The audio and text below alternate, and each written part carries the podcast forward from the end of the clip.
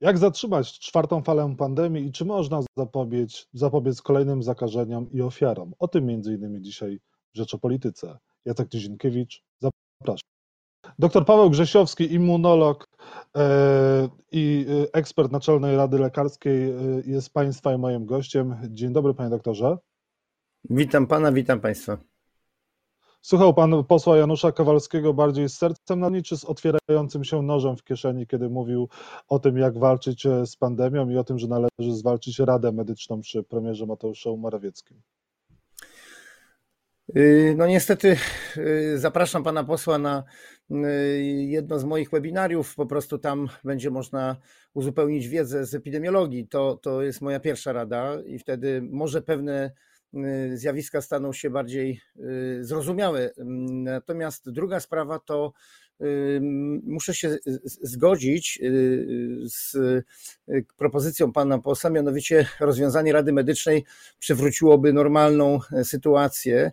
Obecnie Rada Medyczna, która nie posiada właściwie wpływu na decyzje władz, jest niepotrzebna, dlatego y, inna motywacja, ale y, efekt ten sam, czyli Rada Medyczna y, byłaby moim zdaniem do rozwiązania, ponieważ jej wpływ na obecne decyzje władz jest zerowy, a niestety nazwiska członków tej Rady są wymieniane no później pod różnymi decyzjami, jako decyzjami skonsultowanymi ze środowiskiem eksperckim. To jest wprowadzanie moim zdaniem społeczeństwa w błąd, ponieważ członkowie Rady później w, w mediach już pojedynczo mówią o tym, że ich y, rady, ich y, konsultacje nie są brane pod uwagę. Panie profesorze, czy można, panie doktorze, czy można zatrzymać czwartą falę pandemii w Polsce? Można zredukować skutki tej fali, aczkolwiek zatrzymać się już jej się nie da, dlatego że ona już trwa, więc no nie można mm, powiedzieć, że coś się zatrzyma, kiedy to już zalewa cały kraj. Można zredukować śmiertelność i y, ilość osób w szpitalach poprzez błyskawiczne działania ograniczające mobilność i y, aktywność y, ludzką, natomiast nie da się tej fali już zatrzymać w prosty sposób, ponieważ tak dużo osób choruje i już tak dużo jest zakażonych w tej chwili w okresie też wylęgania, że no ci już muszą przechorować. Natomiast również nie da się zwiększyć natychmiast liczby osób uodpornionych, ponieważ nawet gdyby teraz całe te 40% Polaków, którzy mogą się zaszczepić, poszło do szczepienia, to i tak za 5 tygodni uzyskają dopiero odporność. E, panie, panie doktorze, a, czący wyciągnęli wnioski z tych kolejnych trzech fal i, i teraz wprowadzają obostrzenia, restrykcje i też zachęcają do e, noszenia maseczek i, i szczepień na tyle, że możemy czuć się bezpieczniej?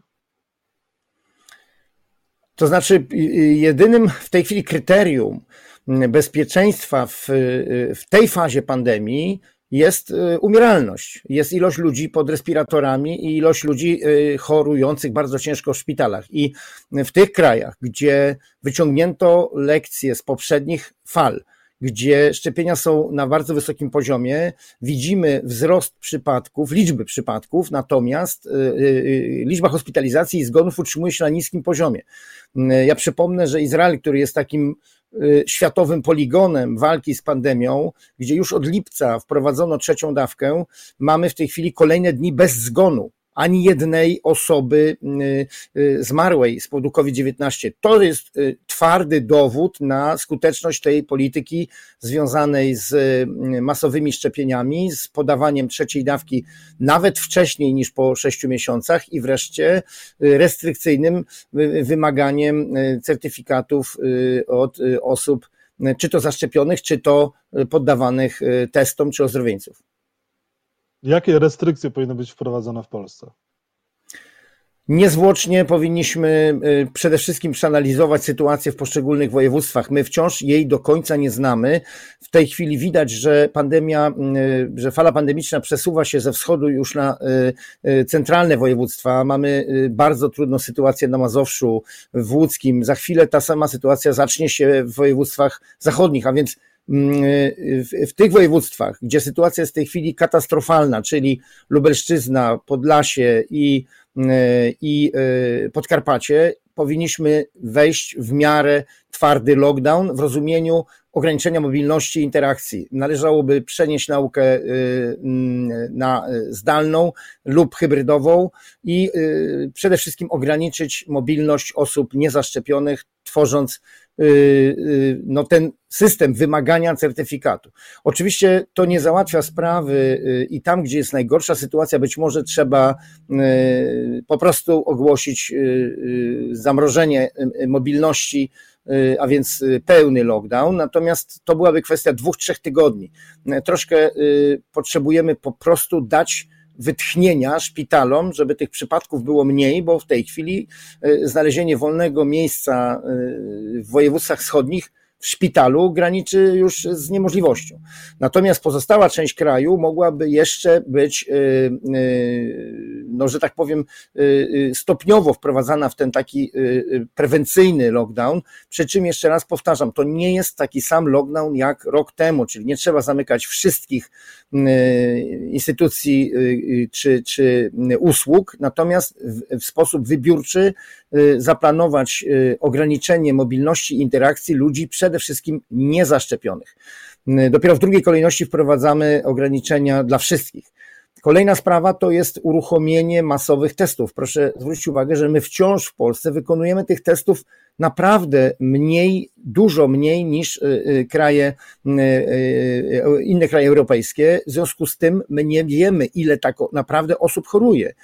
Dzisiaj szacujemy, że przy tym odsetku dodatnich testów, który już przekroczył 20%, a w niektórych miejscach wynosi nawet 30-40%, y, to my nie doszacowujemy liczbę zachorowań mniej więcej pięciokrotnie, czyli w rzeczywistości mamy tych zachorowań około 100 tysięcy dziennie, a nie 20. I kolejna sprawa to y, w dalszym ciągu wydaje się, że ta strategia zamieniania łóżek szpitalnych ogólnych na covidowe, no źle działa, dlatego należałoby jak najszybciej konstruować y, y, szpitale tymczasowe, czyli dodatkowe łóżka, po to, żeby mm, nie ograniczać dostępu do ochrony zdrowia pacjentom, którzy nie mają COVID-u, a potrzebują pomocy. Co z akcją szczepień? Czy ta akcja y, rządowi się udała? Czy ona w dalszym ciągu jest widoczna i działa? Czy to już kompletnie nic nie działa? Jeżeli chodzi o szczepienia, to tu widzę tylko jedną możliwość dla osób, które y, zaszczepiły się dwoma dawkami czy, czy jedną dawką Johnsona, przyspieszyć możliwość podawania drugiej dawki. Y, y, nie wiem na co czekamy. W Stanach Zjednoczonych mamy już rejestrację drugiej dawki szczepionki Johnson po dwóch miesiącach od pierwszej. Widać, że po prostu ta dawka przypominająca powinna być podana wcześniej.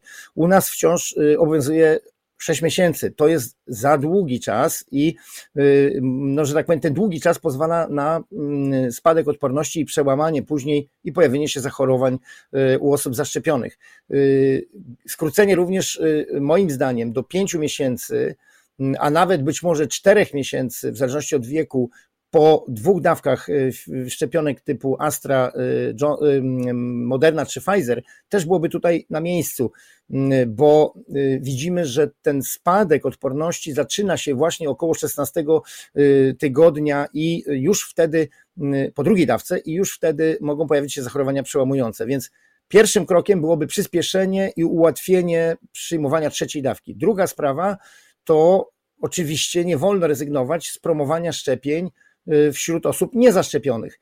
Natomiast ta promocja, no wiemy, że y, po pierwsze od początku y, całej, całej strategii, że tak powiem, nie działa dobrze, no a po drugie osoby, które dotychczas były twarzą programu szczepień. Ja przypomnę, że, że, że zniknął pan minister Dworczyk, kompletnie go nie widać.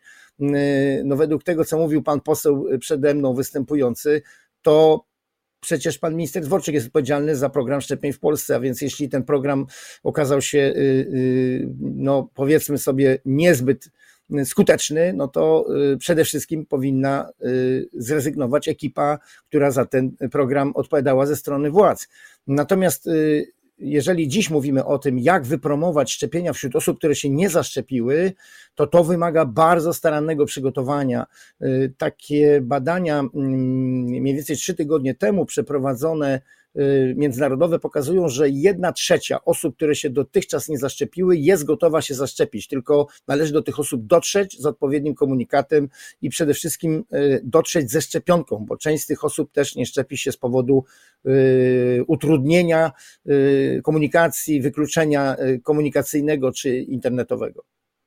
Doktor Paweł Grzesiowski był Państwa i moim gościem. Bardzo dziękuję za rozmowę. Ja również dziękuję.